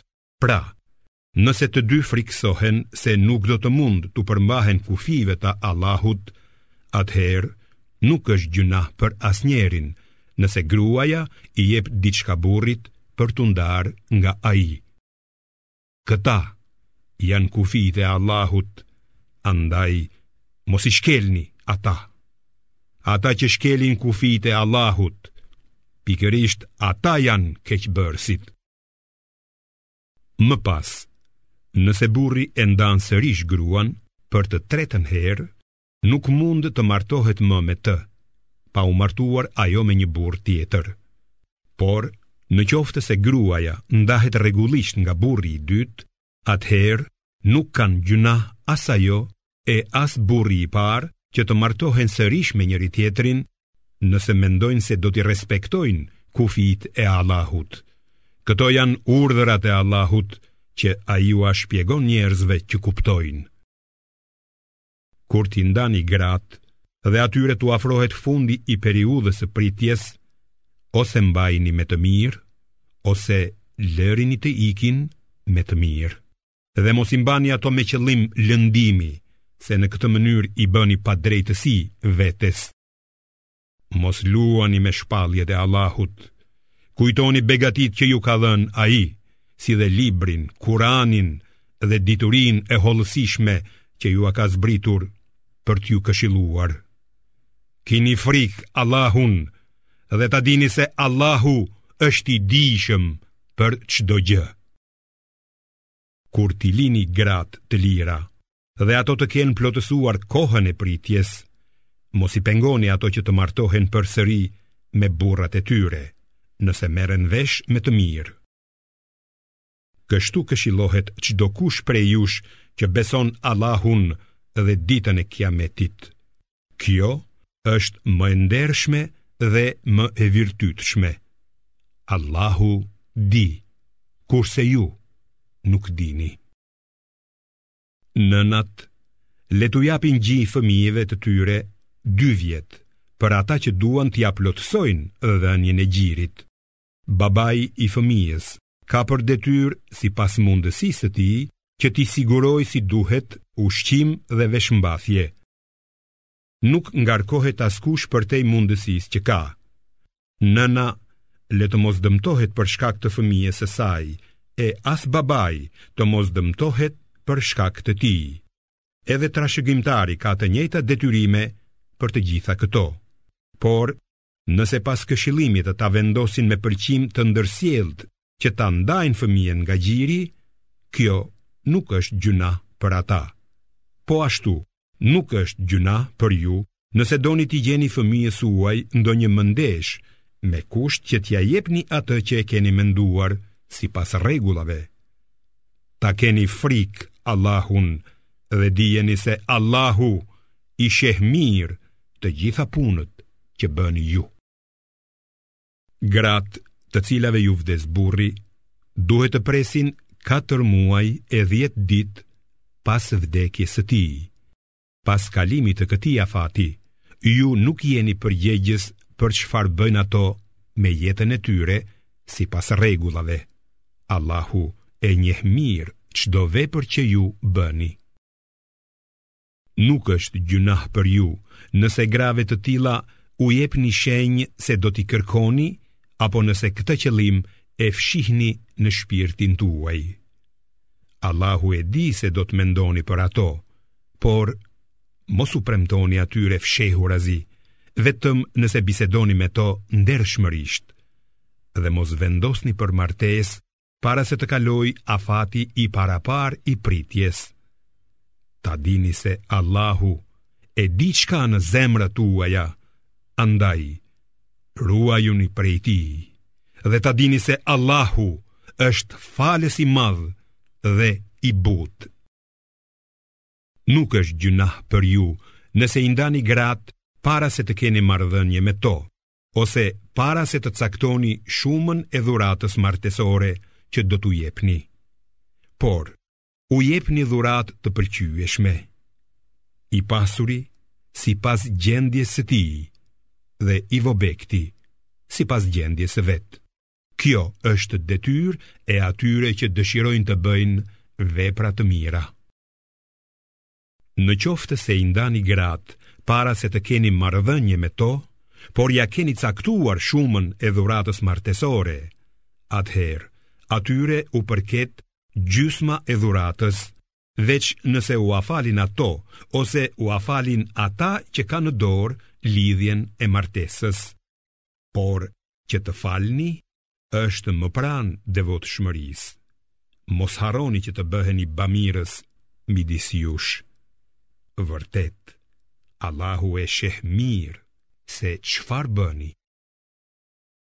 Faleni rregullisht namazin, sidomos atë të mesmin, dhe qëndroni me devotshmëri para Allahut, duke iu lutur Atij. nëse keni frikë. Faluni duke qenë në këmbë ose hipur mbi kalë. Kur të jeni të sigurt, atëherë t'i kryeni faljet për Allahun, ashtu si ju ka mësuar Ai, atë që nuk e keni ditur.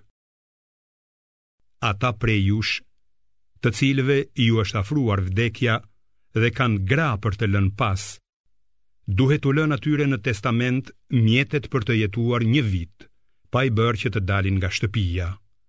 Por, nëse ato vetë e braktisin shtëpinë, ju nuk jeni përgjegjës për çfarë bëjnë me jetën e tyre sipas rregullave.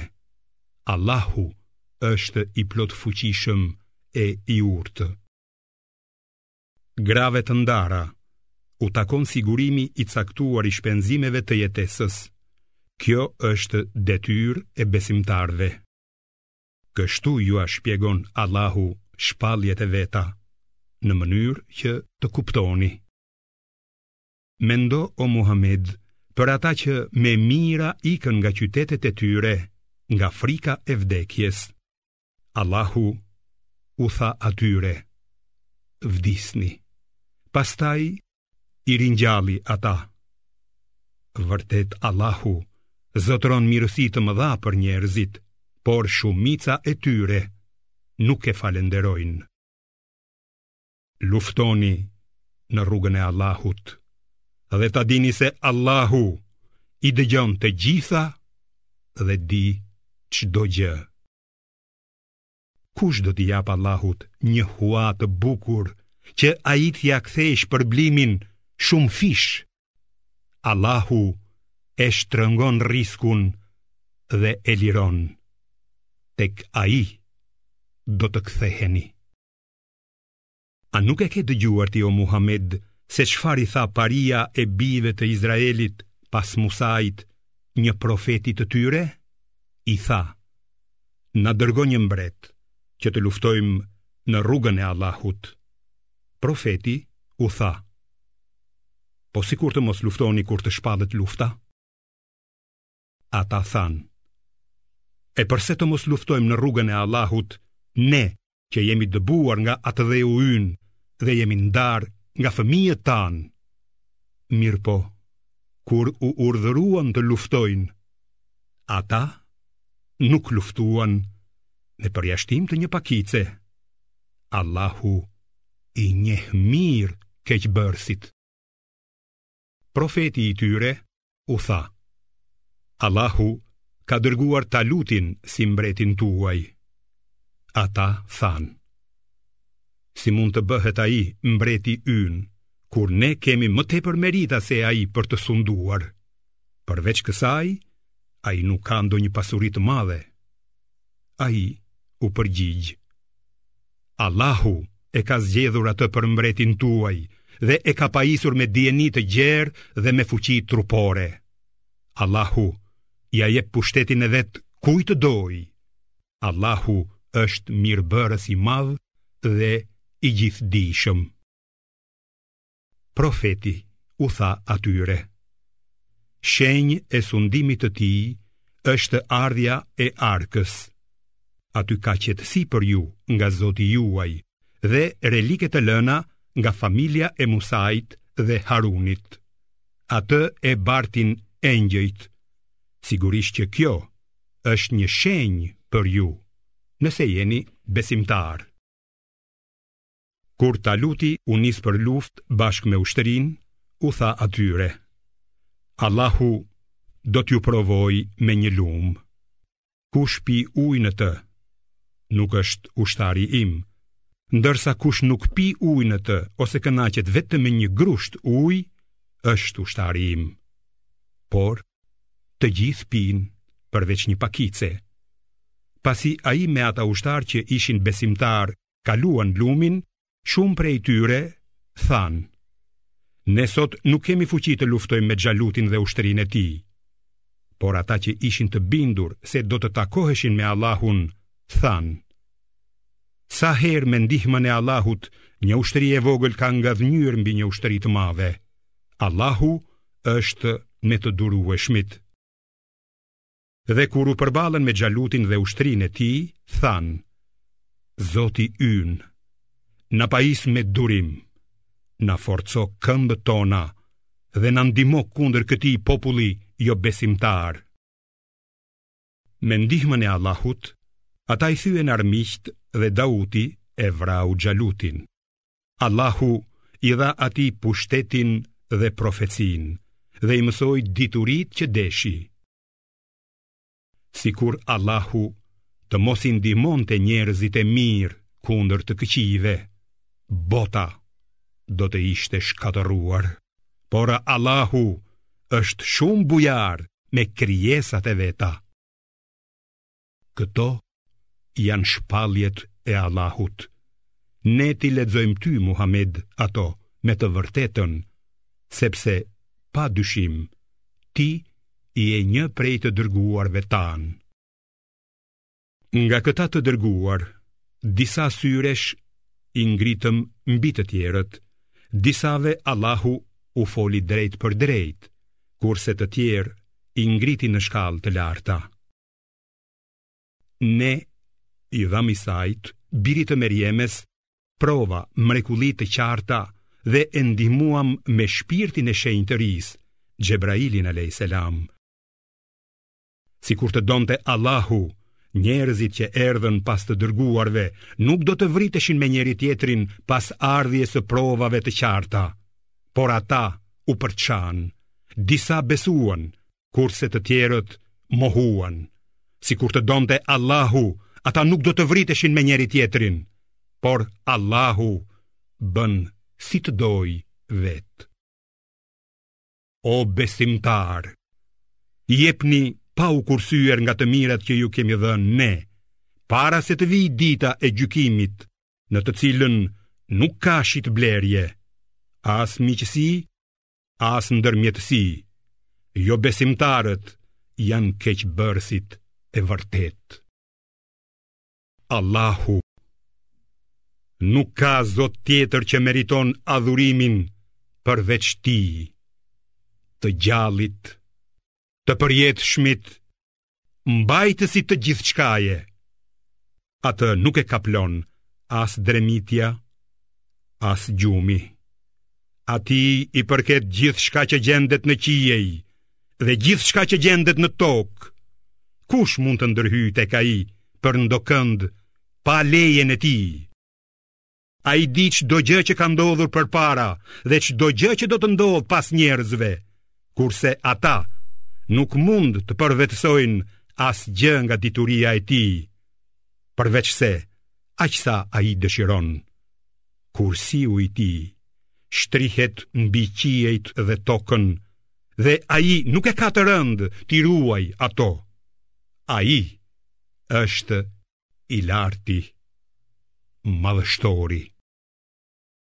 S'ka detyrim në fe, sepse tashmë është dalluar e drejta nga e shtrembra.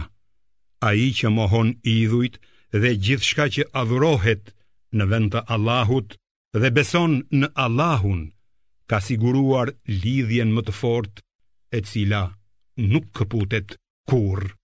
Allahu dëgjon dhe di gjithçka.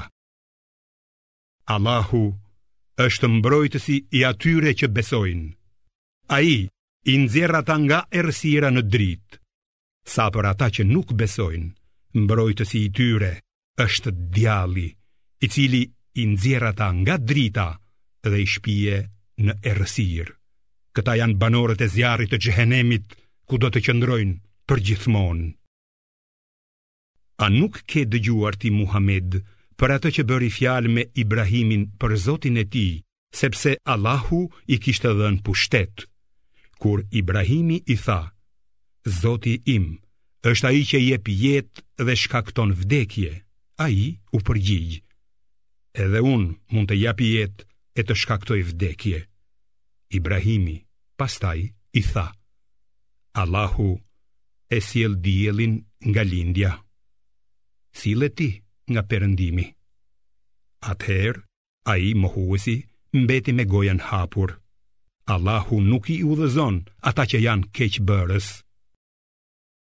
Po për atë, i cili kur kaloi pranë një qyteti të rrënuar përtokë, tha: Si mund ta kthejë në jetë Allahu këtë qytet tani që ai është i vdekur?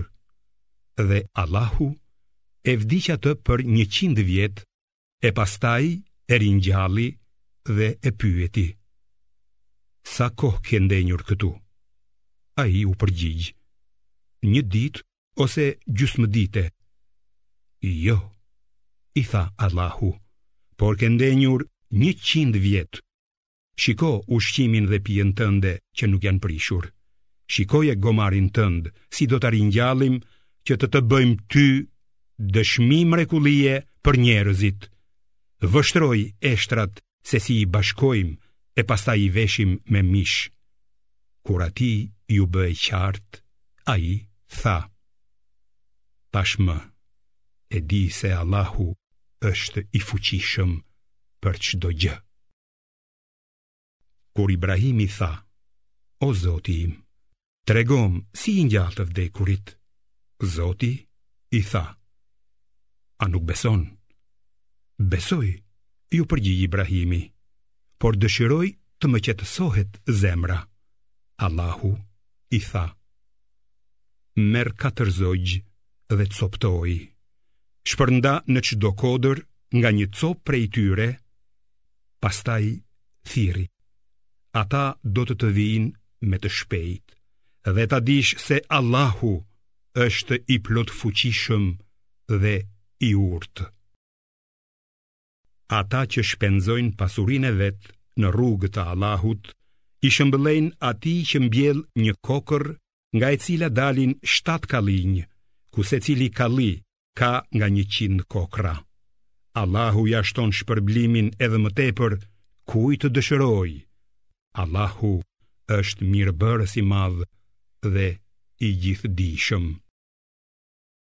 Ata që shpenzojnë pasurinë e vet në rrugë të Allahut, pa e përcjellë atë me përgojim apo fyerje, do të kenë shpërblim te zoti i tyre dhe nuk do të kenë pse të frikësohen apo pikëllohen.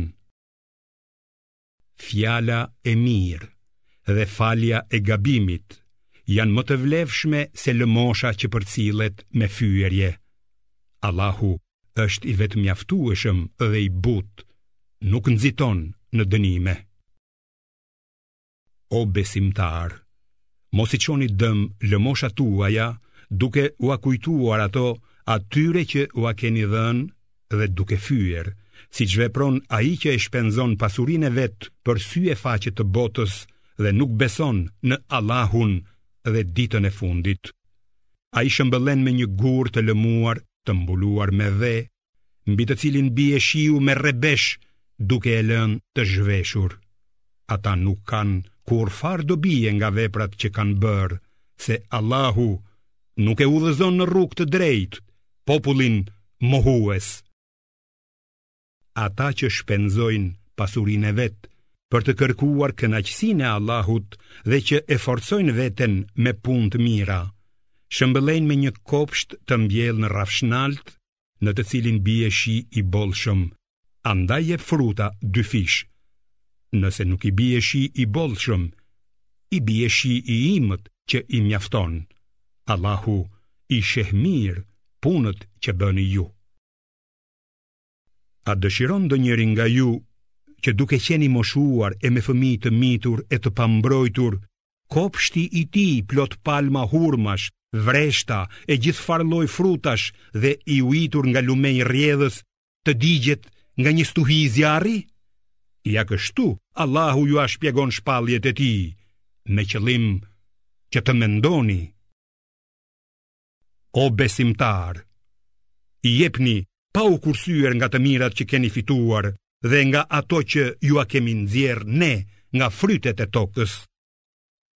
Mos dhuroni nga ato gjëra të pavlefshme të pasurisë suaj e të cilat ju nuk do t'i pranonit ndryshe veçse symbyllur. Ta dini se Allahu është i vetëmjaftueshëm dhe i denjë për çdo lëvdatë. Djalli ju frikëson me skamje e varfëri dhe ju urdhëron të bëni vepra të pamoralshme, kurse Allahu ju premton faljen dhe mirësinë e tij. Allahu është mirëbërës i madh dhe i gjithëdijshëm. Ai ia jep urtësinë të kuptuarit e Kuranit kujt të dojë, cilitdo që i është dhënë urtësia. Vërtet që i është dhënë një mirësi e madhe, por këtë nuk e kupton tjetërkush përveç njerëzve të mençur. Çfarëdo gjëje që të jepni dhe çdo betim që të bëni, me siguri që Allahu ka dijeni për atë. Keqbërësit nuk do të kenë askënd që t'i ndihmojë. T'i jepni lëmoshat haptazi është gjë e mirë. por t'ua jepni ato të varfërve fshehurazi, është edhe më mirë dhe ju shlyen disa nga gjynahet tuaja. Allahu e njeh mirë çdo vepër që ju bëni. Ti Muhammed, nuk e ke për detyrë t'i udhëzosh ata në rrugë të drejtë.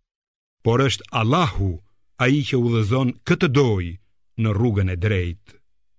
Çfarëdo të mire që të jepni, është në dobinë tuaj, nëse ju këtë e bëni vetëm për hir të Allahut, çfarëdo që të jepni nga të mirat, do t'ju rikthehet e plotë dhe nuk do t'ju bëhet padrejtësi. Lëmosha u takon të varfërve, të cilët kanë hyrë në rrugën e Zotit e nuk janë në gjendje të udhëtojnë për të fituar. Kush nuk i njeh ata, kujton se janë të kamur, për shkak se ata nuk lypin. Do t'i njohësh nga pamja e tyre. Ata nuk i mërzisin njerëzit duke lypur, e çdo gjë që shpenzoni prej të mirave, Allahu i di ato. Ata që japin nga pasuria e tyre natën dhe ditën, fshehurazi dhe haptazi, do të kenë shpërblim te Zoti i tyre. Ata nuk do të kenë pse të frikësohen apo pikëllohen. Ata që marrin fajde do të ringjallen në ditën e gjykimit, si ai që djalli e ka çmendur me prekjen e vet, sepse ata thonë se tregëtia është njëlloj si kamataria. Porse Allahu e ka lejuar tregëtinë, kurse kamatarinë e ka ndaluar. Ai të cilit i vjen këshilla nga Zoti i tij dhe i shmanget kamatës, Le ta mbajë atë që tashmë ka fituar dhe fati i tij është në duart e Allahut, ndërsa ata që i kthehen kamatës sërish do të jenë banorë të zjarrit ku do të qëndrojnë përgjithmonë. Allahu ia heq çdo përfitim kamatës, kurse e rrit përfitimin e bamirësisë. Allahu nuk i do ata që janë mohues, gjynahqarë. Ata që besojnë dhe kryejnë vepra të mira, falin namazin dhe japin zeqatin, do të kenë shpërblim te Zoti i tyre dhe nuk do të kenë pse të frikësohen apo pikëllohen. O ju që keni besuar, ta keni frikë Allahun dhe hiqni dorë nga kamata nëse jeni besimtarë të vërtetë. Nëse nuk e bëni këtë, atëherë ju është shpallur luftë nga Allahu dhe i dërguari i tij. Nëse pendoheni, atëherë ju takon kapitali fillestar. Në këtë mënyrë nuk dëmtoni askënd e as nuk dëmtoheni vetë. Nëse e dini se borxhliu është ngushtë, shtyjani afatin e shlyerjes së borxhit derisa ta përmirësojë gjendjen. Por është më mirë për ju që t'ia falni borxhin veç sikur ta dinit. dhe ruajuni asaj dite që do të ktheheni tek Allahu, kur çdokujt do t'i jepet ajo që ka fituar dhe askujt nuk do t'i bëhet padrejtësi. O besimtarë, shkruajeni huanë që ia jepni njëri-tjetrit për një afat të caktuar. Le ta shënojë atë me drejtësi një shkrues ndërmjet jush. Asnjë shkrues të mos ngurrojë që ta shënojë ashtu siç e ka mësuar Allahu. Ai le të shënojë, kurse borxhliu le të diktojë dhe le t'i frikësohet Allahut, Zotit të vet, duke mos lënë mangët asgjë nga borxhi. Në qoftë se borxhliu është mendjelehtë ose i mitur, ose i tillë që nuk është në gjendje të diktojë, atëherë le të diktojë saktësisht kujdestari i tij.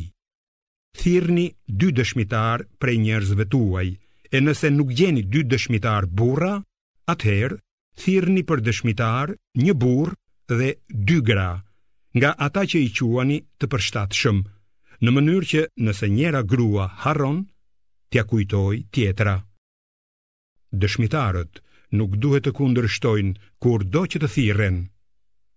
Mos e lini pa e shënuar borxhin, qoftë i vogël apo i madh. duke shënuar edhe afatin e pagimit.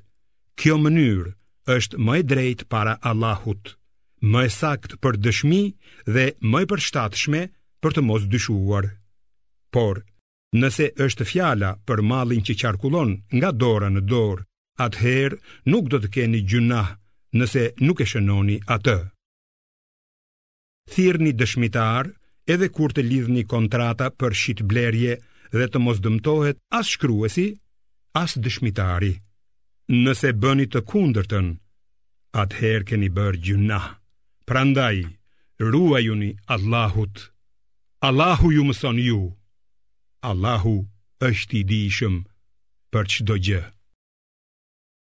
Nëse jeni në udhëtim e nuk gjeni shkrues, atëherë merrni peng. Dhe nëse njëri prej jush ka besim tek tjetri, atëherë borxhliu le ta kthejë atë që i është besuar dhe le t'i frikësohet Allahut, Zotit të vet. mos e fshihni dëshminë, se kush e fsheh atë, zemra e tij është gjynahqare. Allahu di çdo gjë që punoni ju. Allahut i përket gjithçka që gjendet në qiej dhe gjithçka që gjendet në tokë. Edhe nëse e tregoni apo e fshihni çfarë keni në shpirtin tuaj, Allahu do t'ju kërkojë llogari për të. Kështu, Ai do të falë kë të dojë dhe do të dënojë kë të dojë. Allahu është i fuqishëm për çdo gjë. I dërguari beson në atë Kur'anin që i është shpallur nga Zoti i tij. E po ashtu dhe besimtarët, të gjithë besojnë në Allahun, engjëjt e tij, librat e tij dhe të dërguarit e tij duke thënë Ne nuk bëjmë dallim mes asnjërit prej të dërguarve të tij. Ata thonë Ne dëgjojmë dhe bindemi. Faljen tënde kërkojmë, o Zoti ynë, dhe te ti do të kthehemi. Allahu nuk e ngarkon askënd përtej fuqisë që ka. Në dobi të tij është e mira që bën, kurse në dëm të tij është e keqja që punon. Zoti ynë, mos na ndëshko për atë që harrojmë ose veprojmë pa qëllim. Zoti ynë, mos na ngarko barrë të rëndë, ashtu si i ngarkove ata para nesh. Zoti ynë, mos na ngarko me diçka që nuk mund ta bartim. Na i shlyej gjynahet tona, na i fal ato dhe na mëshiro. Ti je Zoti ynë, prandaj na jep fitore kundër atyre që nuk besojnë.